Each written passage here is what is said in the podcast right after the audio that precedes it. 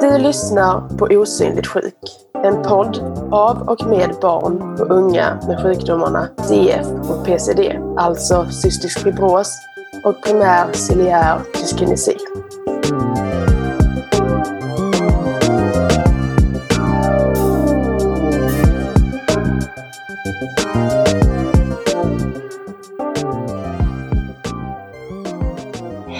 Välkomna till podden Osynligt sjuk och avsnitt nummer 10 som ska handla om att träffa en partner. I dagens avsnitt kommer ni höra mig, Cornelia. Och mig, Nathalie. Och vi ska försöka formulera det så bra som möjligt för er, vad den här frågan betyder för oss med cystisk fibros. Och som hjälp har vi även fått vår kompis Matildas sambo. Han, hennes sambo Viktor ska hjälpa oss att göra det här så bra som möjligt i en intervju.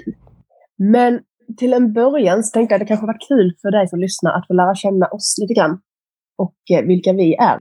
Så om jag börjar så heter jag som sagt Cornelia. Jag är 19 år gammal och eh, bor i Skåne. Inte tillsammans med en partner, men jag har en partner sen ungefär ett och ett halvt år tillbaka. Och Nathalie, vad säger du? Yes. Eh, jag bor också i Skåne. Eh, jag är 20 år gammal och bor tillsammans med min partner just nu. Är det någonting du har gjort länge eller är det? Nej, i eh, fyra månader kanske. Så det är ändå ganska nytt. Så vi vet ju hur det är att leva med cystisk fibros och en partner samtidigt, kan man ju säga. Ja. Eh, och när vi hade vårt planeringsmöte inför det här avsnittet så vet jag att en fråga som vi diskuterade väldigt brett var hur tidigt man berättar för sin partner om att man då har cystisk fibros. Hur gjorde du, eller hur tog du dig fram med din Oj. berättelse? Eh, det var så länge sedan så jag kommer inte riktigt ihåg. Eh, jag tror det var min pappa som berättade för hans mamma. Eh, så det var inte någonting jag gjorde och sen så fick väl han reda på det på köpet. Men hur gjorde du? Om du nu har gjort det. Ja, men jag har gjort det. Och det kanske vi ska säga med att det finns ju faktiskt vissa som kanske inte väljer att berätta just att man har cystisk fibros. Alltså det kanske inte är den första grejen man vill säga när man träffar en Nej. eh, partner. Nej, men man vill ju kanske inte identifiera sig med sin sjukdom. Nej, Och det verkligen kanske inte. blir om man råkar... Risken att det blir så finns ju om man direkt bara hej, Cornelia, cystisk fibros. Ja, och alla är ju inte Eh. lika öppna eh, när det gäller Nej, att vi har det verkligen heller. inte. Men jag vet att jag berättade för min pojkvän då att jag hade det innan vi skulle träffas på riktigt första gången. Av den anledningen att vi skulle äta ihop. Och eh, då på något sätt så skulle jag behöva visa mina kreon. Och istället för att det skulle bli en stel och jobbig situation där och då behöva berätta varför jag äter konstiga tabletter. Så hade jag redan förvarnat honom. Ja, det är ju smart ändå. Ja, men jag tänkte, annars hade det bara blivit konstigt. Är jag rädd för. Men det kanske det inte alls hade blivit.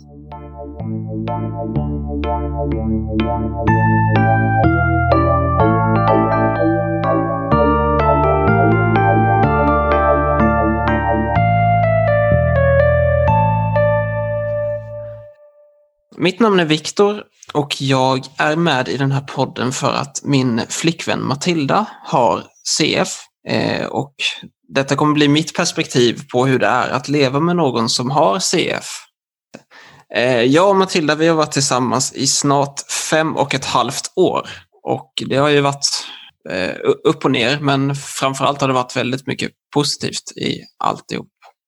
Vi flyttade upp till Växjö tillsammans och vi har bott här i Växjö nu i två och ett halvt år.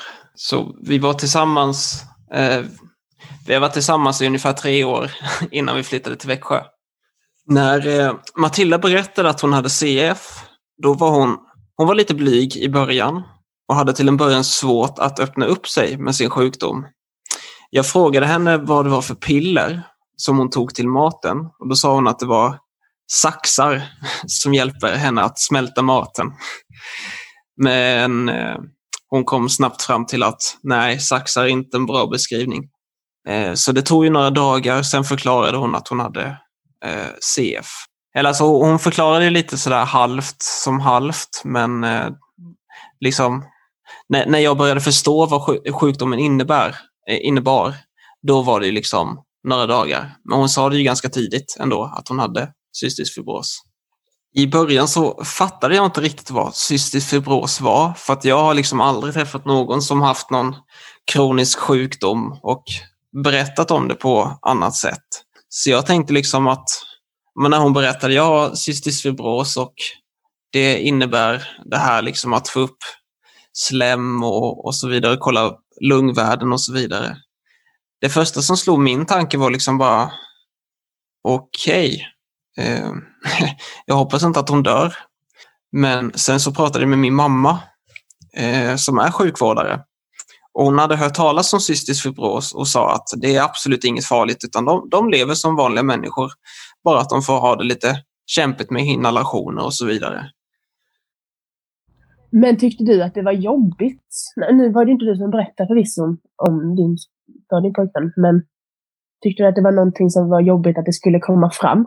Alltså ja, lite. Det är ju inte den trevligaste sjukdomen. Alltså det innehåller ju väldigt många äckliga delar. Eh, det det verkligen. Som väldigt gult slem och det är ju inte så trevligt. Nej, och det är kanske inte det mest romantiska. Det kanske inte är så jättesexigt att typ så sitta och uh, häffa framför honom. Nej, det är det verkligen Det var ju inte jättekul att ta det samtalet riktigt. Men vet du om hur han tog det? Tog han det som att det var någonting jobbigt? Eller han bara, alltså nej, jag tror inte han tog det på något sätt överhuvudtaget. Det var mer typ, jaha, kul för dig. Alltså, Ja. Vad ska man göra åt grejer typ?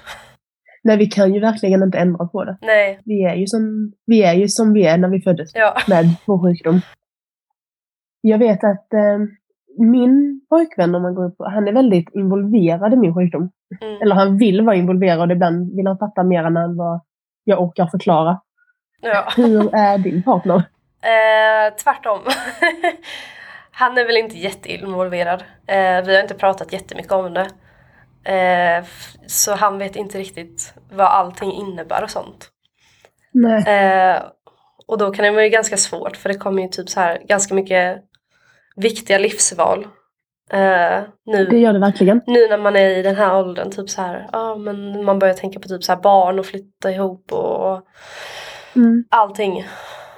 Och om man han då eftersom han då inte är så involverad så blir det ändå typ så här att han vet inte så mycket vad det innebär och typ ja men alltså svårigheterna som kommer med allting.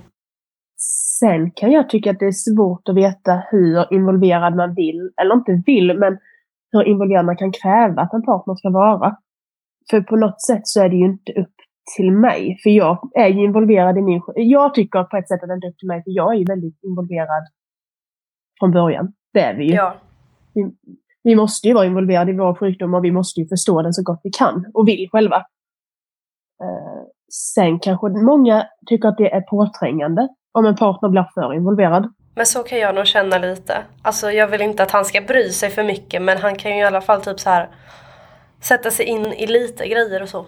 Ja. Och sen kanske vissa tänker att de gärna vill att deras pojkvänner ska veta allt och förstå allt. Eller flickvänner, partners. Och jag vet inte riktigt var jag själv står i den frågan. Jag vet bara att min partner vill vara involverad och han vill förstå, som jag nämnde innan. Han valde ju att specifikt fråga mig. Jag har, jag har alltid väldigt svårt för att prata just om cystisk. För jag tycker att jag vill som sagt inte att det ska, ident, ident, jag menar att det ska identifiera mig som person. Så heter det. Eh, så att det visste ju han om. Men sen så ville han ju förstå och fatta, så han frågade om jag kunde sätta mig ner och verkligen förklara någon gång eh, de olika delarna och allt som kunde hända och inte hända. Ja. Och det tyckte jag, jag tyckte det var fint. Men jag vet inte om alla hade uppskattat det eller om alla hade tagit det som att det var en fin gest. Nej, alltså jag hade kanske tyckt det var skönt att få ut de grejerna eftersom mm. mitt förhållande är som det är. Eh, med att prata om det.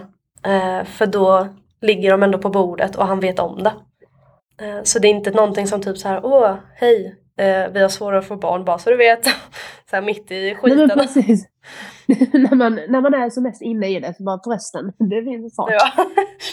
det kan ju förstöra ganska mycket. det kan det verkligen göra.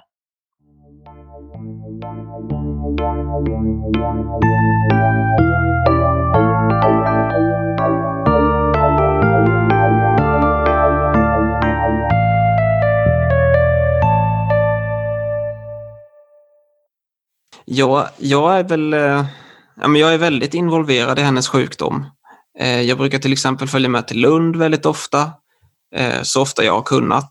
Ibland har det kommit jobb emellan och då har hennes föräldrar fått åka med. Men jag kommer ihåg specifikt första gången när vi var nere i Lund. Då var jag och hennes pappa Ola med. Och då mådde Matilda inte alls bra.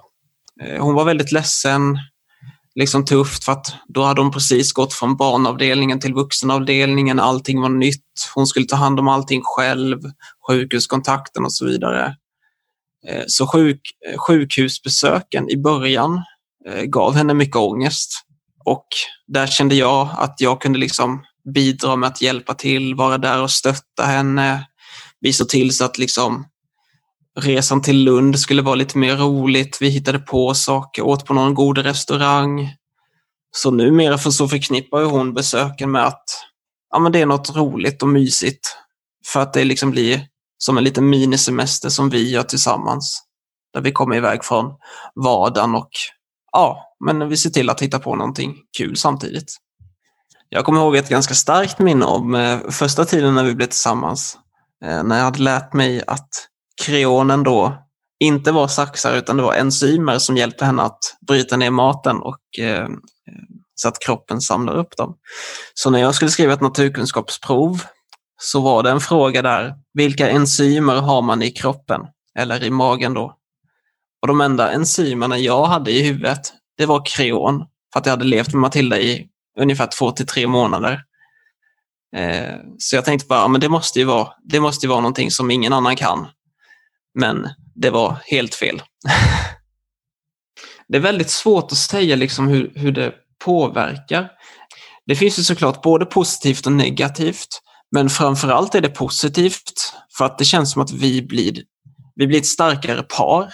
Vi kommer närmare varandra, se till att ha det liksom så, så, så, så mysigt som vi kan för att eh, det, det, är ju tufft. Det är ju en tuff sjukdom men jag, jag har sett framförallt positivt för att det liksom drar oss närmare som par. Och vi finns där för varandra på ett helt annat sätt än om man bara hade varit två friska. Det är kanske många som tycker det är jobbigt att berätta om att det finns både positiva och negativa sidor med sjukdomen. Men för någon som faktiskt ska leva med dig, förhoppningsvis ett tag i alla fall, då kan det nog vara rätt skönt att dela just den informationen. Ja. Och vi har ju haft dem i gruppen som vet, att berättat att det har tagit kanske ett halvår eller ett år för dem att berätta för sin partner eller för att partnern att få veta någonting. Uh. Och vi har även de som inte har Ja, men precis. Så det är också. ju väldigt olika. Och jag, jag kan nog förstå varför man inte gör det. Jag vet bara att jag hade, hade väldigt svårt att dölja det. Men jag vet inte, det som många tycker kan vara jobbigt det är ju just de äckliga delarna, om man får säga så, med sjukdomen. Eh, vilket kan vara ja. del av andningsgymnastik och inhalation. Men också just hosta och slem. Och jag vet inte, hur öppen är du med inhalationer och den delen? Alltså jag hoppas inte mina läkare lyssnar på detta för jag är ju... Nej. Nej. Jag är inte jättebra på att inhalera. Det är inte en grej Nej. som jag gör ofta. Om man säger så. Eh, han har väl sett mm. mig ett fåtal gånger göra det. Men det är inte samma. Jag tror inte han har varit med på sjukhuset mm. när jag har gjort det hos min sjukgymnast. Ja, men, men det är ju ändå där det är som värst. Då är det, man tar i som man håller på ja, men, och dör eller någonting. Och det är slem och det, och det är, är usch, allting på en. ja, så sitter man där och haffar och är det hemskt. Men hur öppen är du med att typ så här inhalera och sånt? Ja, men jag vet inte om jag också ska påpeka det. Jag hoppas inte att mina läkare lyssnar. men jag, jag, har varit väldigt duktig med inhalationen. Faktiskt. Men jag är lite slarvig just nu. Eh, just för att det är ja. mycket annat i livet. Eh, och då, då finns det nog en risk. Och det är någonting jag har hört av andra. Att just inhalationen kan ibland halka lite efter. Eh, och min partner har förstått på något sätt att detta inte är något bra. Att jag låter det bli så här. Så att eh, han är ju mest på mig just nu att jag ska ta tag i det här och verkligen se till att jag... Så jag har inhalerat framför honom, men jag har nog gjort det mer sällan bara. Inte av den anledningen att jag inte vill, utan bara att jag har inte haft tiden att inhalera. Inte en ursäkt, aldrig någonsin. Ja. bara påpeka det. Man ska inhalera, det är jätteviktigt. Nej, så att just den, jag tycker Ja. nog inte att... Jo, han har inte varit med på sjukhuset det kanske hade varit lite så här. Man är ju väldigt öppen med sin sjukgymnast där, om allt. Alltså vikt och Ja. längd och slem och sport och hela kroppen. Alltså det är ju så mycket. Mm. Så att det kanske hade varit... Någon gång så vill jag ju ha med honom. Men eh, det kommer nog kännas lite konstigt. Alltså jag har försökt att få med min Mm. ibland. Eh, på vanliga kontroller. Eh, bara för att jag tycker inte om att åka Nej. ensam till Lund.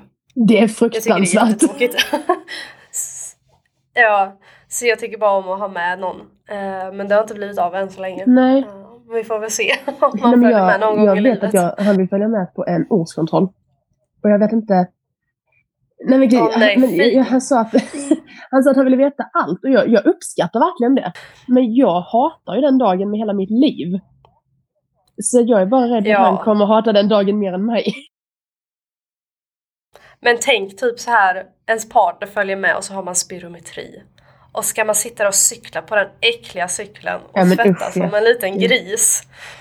Om vi går vidare från Men jag tror att just inhalationen kan nog vara det känsligaste.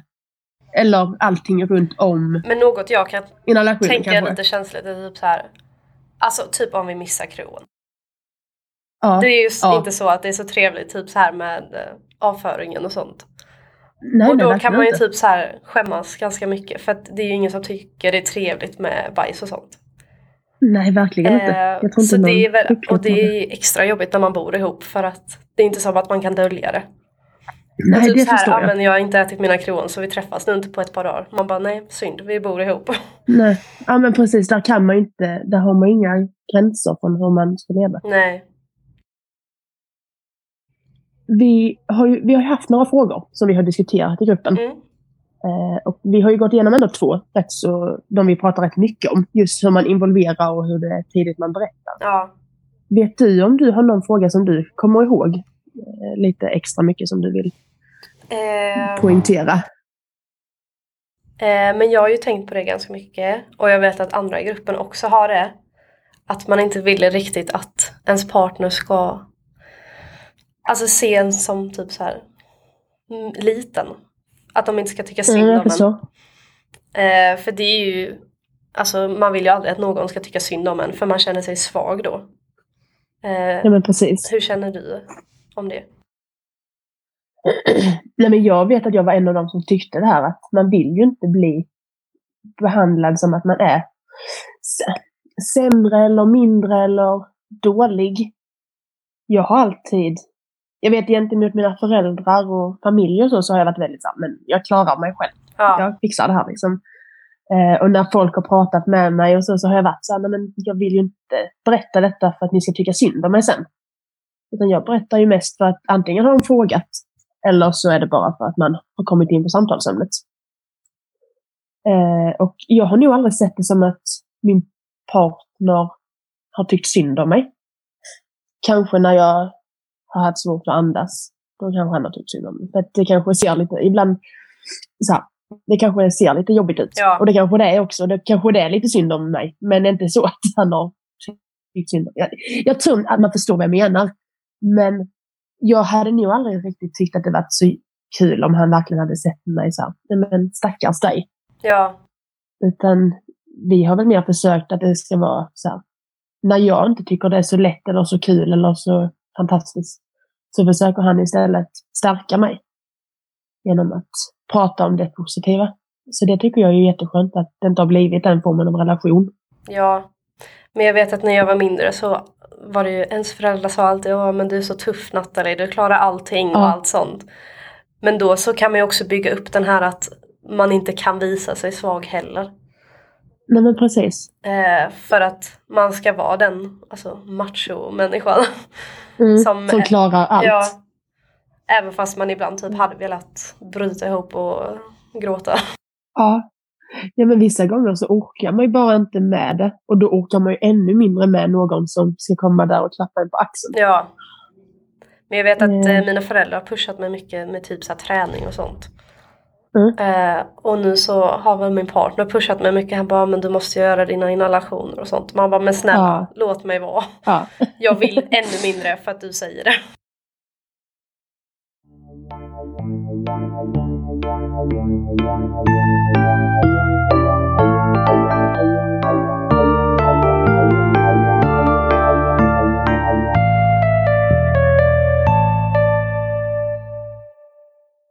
Jag ser faktiskt inte som någonting jobbigt med att leva med en person som har CF. Jag ser Matilda som, ja, alltså som en, som en frisk tjej, även om att hon har en sjukdom. Det är såklart liksom att det kan vara jobbigt när hon är ledsen, om hon liksom har blåst ett sämre lungvärde än vad hon gjorde sist och så vidare. Men då försöker jag bara vara där och liksom se till att säga att nej men det, det, det, kommer, det var säkert bara denna gången. Det kommer säkert vara lika bra eller bättre nästa gång. Jag brukar oftast tänka på att jag, finns, jag finns alltid där för henne och hjälper henne så, så gott som jag kan med min, mina fem års erfarenhet av sjukdomen. Och jag, jag vill alltid se eh, det positiva i det negativa. Vi brukar inte hitta på någonting så här att nu ska vi göra detta för att det ska vara kopplat till din sjukdom. Men eh, jag håller pass på gymmet. Eh, jag håller fightingpass och eh, cirkelpass. Och när hon går på dem, alltså då, hon får upp väldigt mycket slem när hon har varit på de passen. Och jag brukar ibland göra lite sjukgymnastgrejer, att trycka på hennes lungor som sjukgymnasten brukar göra för att lättare få upp slemmet. Så det är väl mer det att hon brukar gå på mina pass. Vi ser till att träna tillsammans. Eh, eller ja, i alla fall samtidigt. Det betyder inte att vi tränar med varandra, men att vi åker till gymmet tillsammans och ser till att träna lite. Eh, några gånger i veckan. Jag tränade mycket när jag var liten. Eh, och det var ju mycket för då att läkarna och föräldrarna och alla visste om att man skulle träna och då var det det största samtalsämnet. Ja, Eh, och sen när jag blev tonåring, jag vet att jag tror jag nämnde detta i förra avsnittet, så slutade jag träna. För jag tyckte det var så fruktansvärt tråkigt. Och nu tränar jag ju för att jag tycker det är kul. ja, Och inte för CFens skull. Och jag tror att... Så nu så slipper jag det här tjatet från alla runt omkring mig, att jag måste träna. ja, Men eh, jag tror att det är viktigt också att för en partner och egentligen för de flesta i ens omgivning att man måste försöka leva livet och se bort från CFen. Att man inte, man inte tränar för CFens skull. Eller att man gör inte detta för CFens skull. Utan att man kanske mer hittar andra vägar. ja. Nej men jag vet, eh, jag har tränat fotboll i 11 år när jag var mindre. Mm. Eh, och sen så slutade jag bara en dag. För det var inte kul längre. Eh, och jag tränar väl inte typ på fem år kanske. Eh, men sen så hittade jag ju gymmet och det är ju typ det roligaste som finns nu. Är det det bästa som finns? Älskar att lyfta vikter. det är Ja, så men det är kul. så kul att bara... Eh, Så, och en skön grej är väl typ att eh, min kille han har också börjat träna. Så vi har ju tränat en del Mm. tillsammans och kunnat gå dit tillsammans. Och då får man ju ändå mer motivation om han typ så här, ja men vi kan gå till gymmet och så. För då Ja, känner man, men fy vad kul. Det är ja, men då blir det ju pepp istället. Ja, det är inte typ så här, åh jag man måste gå till gymmet för att eh, vara frisk. Utan då är det typ, ja kul, Nej. vi ska till gymmet tillsammans. Ja, men precis. Då blir det ju mer pepp. Ja, Eh, och jag vet att det, det är likadant. Min, pojk, eh, min partner tränar ju också. Så det blir ju mer en gemensam sak. ja, Att man går till gymmet ihop eller att man... Nu skulle jag nog aldrig få för mig att gå ut och gå en promenad för jag tycker det är fruktansvärt tråkigt. Men om man nu skulle vilja göra det så kan det ju också vara någonting som är väldigt mer normalt för, i ett förhållande. ja, Eh, och det är ju inte en CF-relaterad sak. Jag brukar oftast tänka så att så länge jag inte behöver ha CFen i fokus till att jag gör någonting så känns det inte alltid så tvingat eller så tråkigt eller så jobbigt. Men ibland kan jag känna typ så här att eh, min killes tjat eh, blir det som mina föräldrars tjat när jag var mindre. Så det blir exakt Mm. samma känsla och jag hinner typ inte reagera förutom att jag typ så här flippar ur på honom eh, bara för att jag bara hör min pappa i bakgrunden säga exakt samma Mhm. sak. Nej, men jag, jag förstår det där, för att jag vet att ja, man har någon form av inbyggd att tjat är lika med att man blir arg. Ja, Eller jag har det i alla fall. Eller att man blir irriterad. Eller, eh, och eh, jag har nog aldrig riktigt lyckats få ut den här, i- ar- så här irritationen över min pojkvän.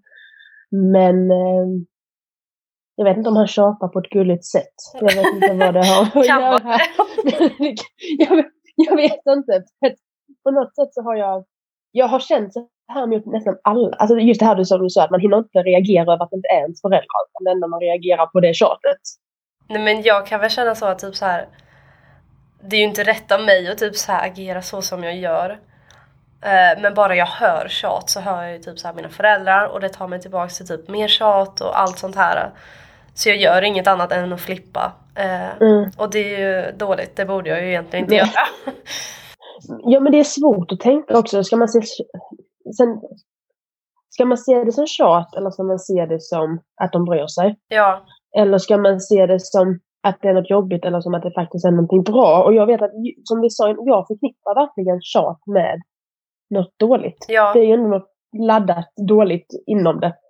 Men sen samtidigt kanske man ska vara tacksam för att innerst inne kanske de egentligen bara bryr sig.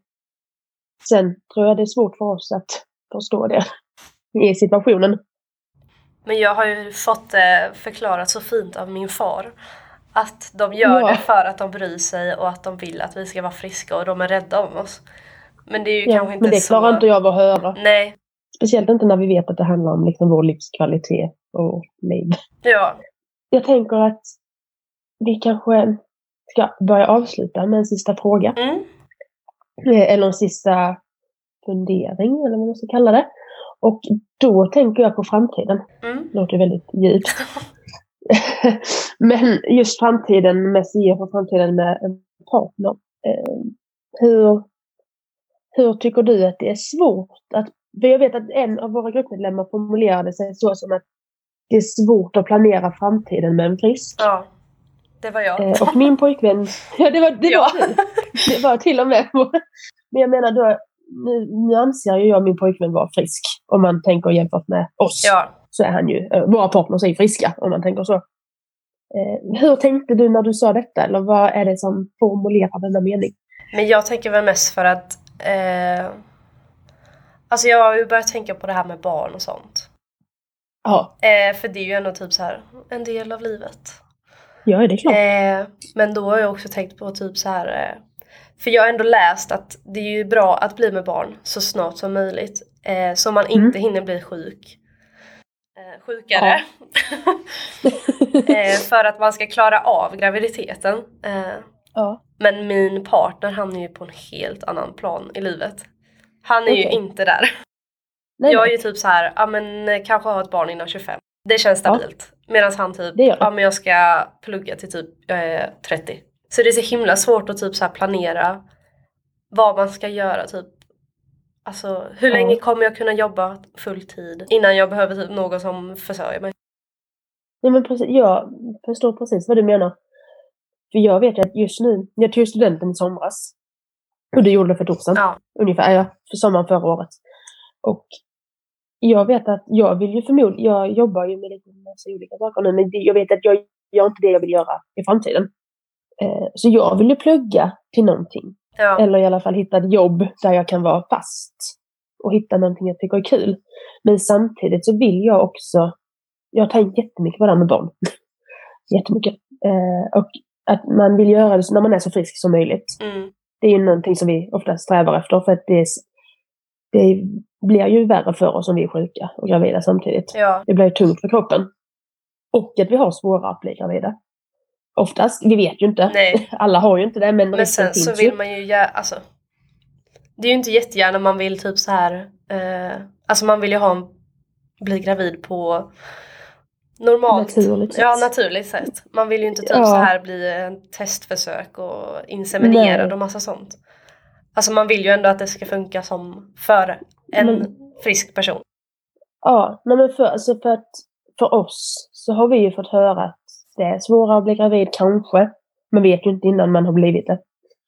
Eh, och att det finns andra sätt.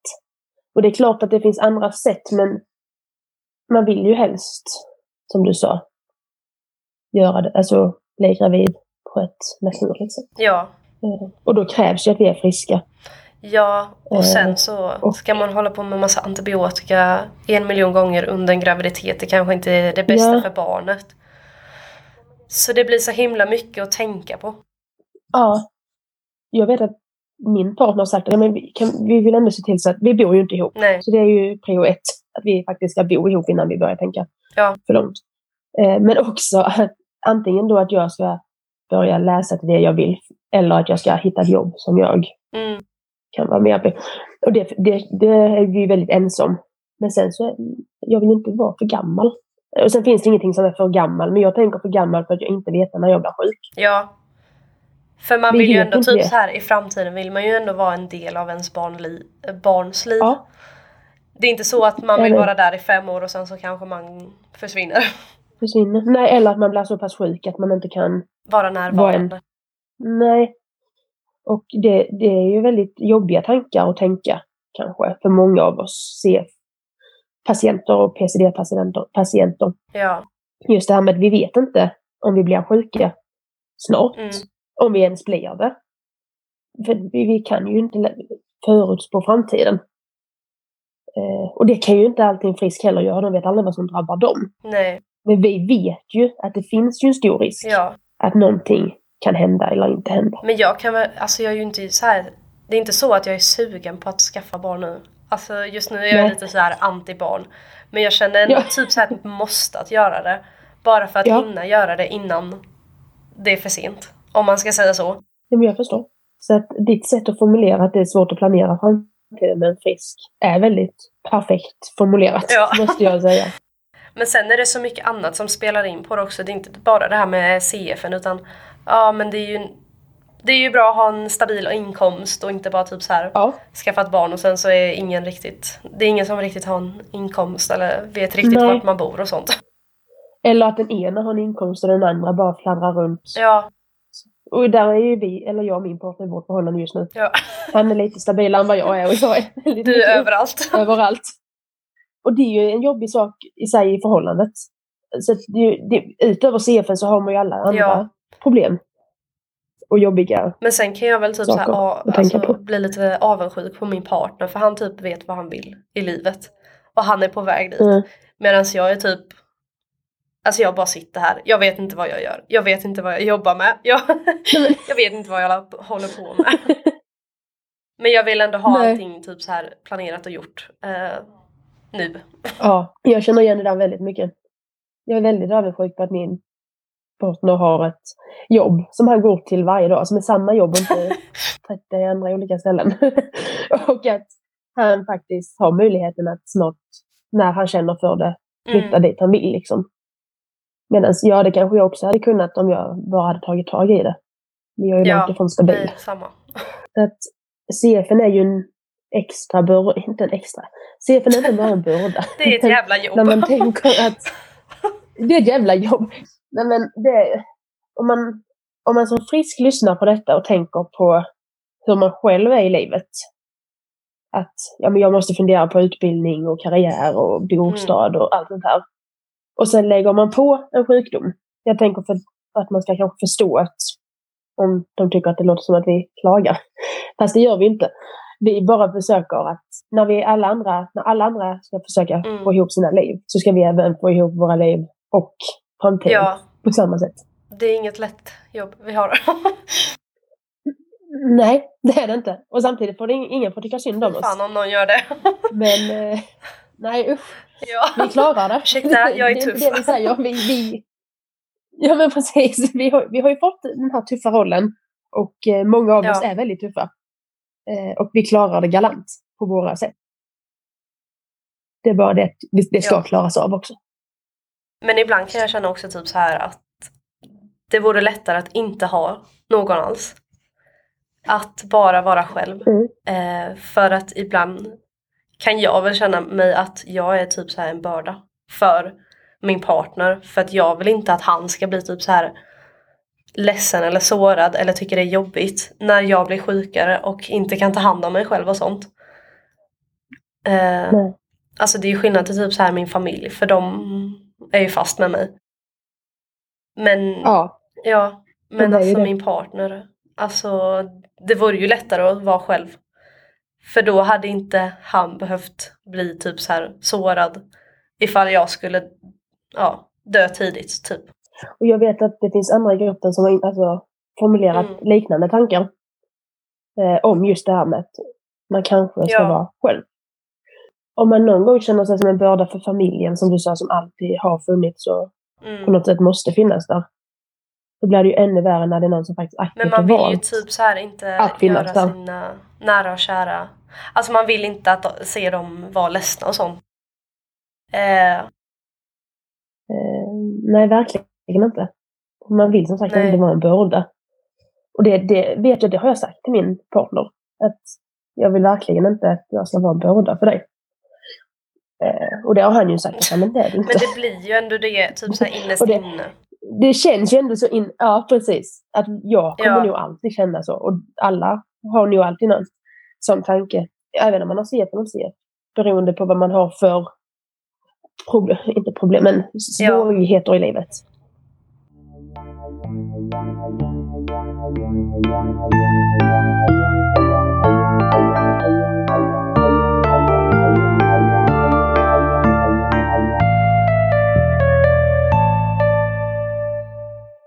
Jag brukar alltid gå med mottot som min, mina föräldrar lärt mig, liksom att man lever dag för dag.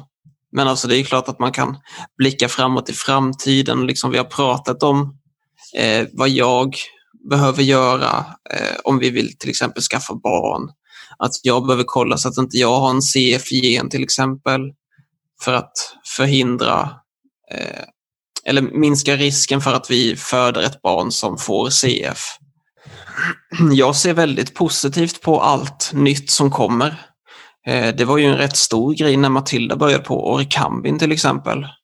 Alltså det var ju liksom, vi båda var ju liksom ganska mycket hmm, vad, vad, är det här för något liksom? Bara, ja, men vi, vi testar det så ser vi hur det funkar. Och redan på ett halvår kanske så märkte vi att Matildas lungvolym bara höjdes upp. Och då märkte vi att den gav väldigt positivt effekt. Och då vågade vi se mer framåt i framtiden och se positivt på hela livet. liksom. Alltså Matilda är min första flickvän jag någonsin haft i hela mitt liv. Så, så, det, så det blir ganska svårt att jämföra med någon annan. Matilda har ju inte heller haft någon annan kille innan mig. Så ja, men man, man tänkte ju mycket där i början att ja, just, jag kommer le leva med, med henne som har den här sjukdomen. Och jag ser, jag ser att jag lever med henne resten av mitt liv. För att, ja men, det kanske känns lite cheesy att säga men alltså jag, eh, ja, Matilda är den finaste människan som jag någonsin träffat, lärt känna. Okej, men ska vi eh, glida in på det som alla undrar? Det viktigaste ja, men, i ens eh, partnerskap. Hur har vi med CF egentligen sex? Ja, usch ja, det vill ni inte veta. det är en vacker syn. med blod, svett och tårar. Ja men det är det verkligen. Alltså, ni, alltså, det är ju helt annorlunda egentligen. Ja. Ja, jag, när man är tillsammans med Frisk också så han kom ju in där, min kille, och bara nej men så här har jag aldrig upplevt det. Men Nej, eh, han har och... fått lära sig nya grejer hur man gör. nya grejer med oss. Nej, alltså nu, nu ska jag väl lite.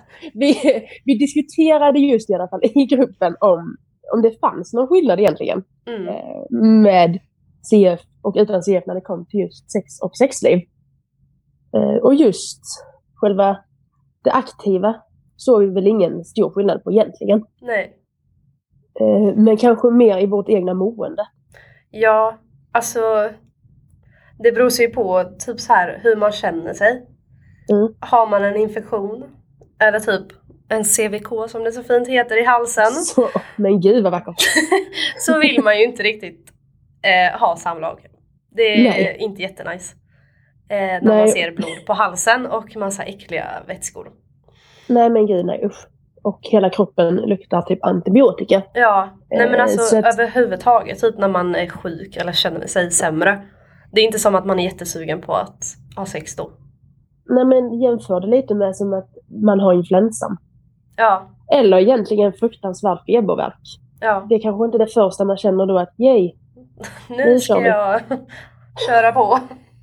Nej, så att det är väl mer egentligen rätt så självklart, tänker vi. Att infektioner och sjukfall kanske leder till mindre lust och ork överallt, för- för- framförallt. Ja, och det är ju en grej som ändå kan typ så här påverka förhållandet. Eh, Ja, Men alltså man ska ju aldrig säga ja bara för att ja men ja, min partner kommer bli besviken om jag säger nej och om jag inte vill. Vill du Nej, inte nej, ha sex nej. så har du inte det. nej men det, det är så på alla andra möjliga plattformar där man pratar om sex. Nej, ett nej oavsett vad. Ja, har det nu med en infektion att göra eller om det har med att du inte vill hosta slem på din partner för att du känner en att den riktig risken finns. snorloskel rakt i ansiktet. Så då, då är det nejet minst lika värdefullt. Ja, så att eh, för er som har undrat över detta så är det väldigt eh, inte annorlunda jämfört med era liv. ja. Kanske. Förutom lusten och orken kanske. Men det, Alltså skulle man nu ha sex när man typ har en infektion. Då är det väl jag typ att, imponeras. Ja, men det kanske typ är, eh, det är lite jobbigare. Ja, Alltså det kan nog vara riktigt kämpigt. ja. Och eh, har, man, har man den själv, kanske inte självkänslan, men har man den tryggheten i sig själv, att man inte känner sig äcklad av sig själv när man är sjuk. Som jag gör. Ja, Så eh, då betyder det inte att man inte ska kunna ha sex. Ingenting utesluter det andra. Det är bara det att ett nej är ett nej och vill man inte ha ska man inte ha. Man Nej. kan inte tänka på partnern där, fast du tänker på dig själv. ja, Eh, Och det kan väl tyckas vara en, ett bra avslut på detta avsnittet, tänker jag mig. ja men vi eh, avslutar väl våran lilla, vårt lilla avsnitt där. Ja, Ehm, tackar så mycket. Ja, glöm inte att kolla in oss på sociala medier, prenumerera, ge oss en like, en kommentar. Har du några frågor, skriv det.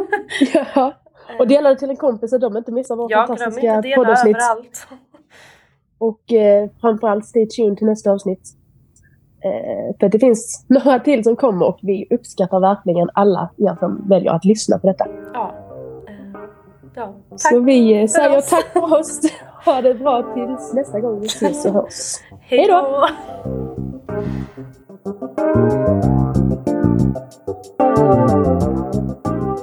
Du har lyssnat på Osynligt sjuk som finansieras av Arvsfonden och samordnas av Riksförbundet Cystisk Fibros.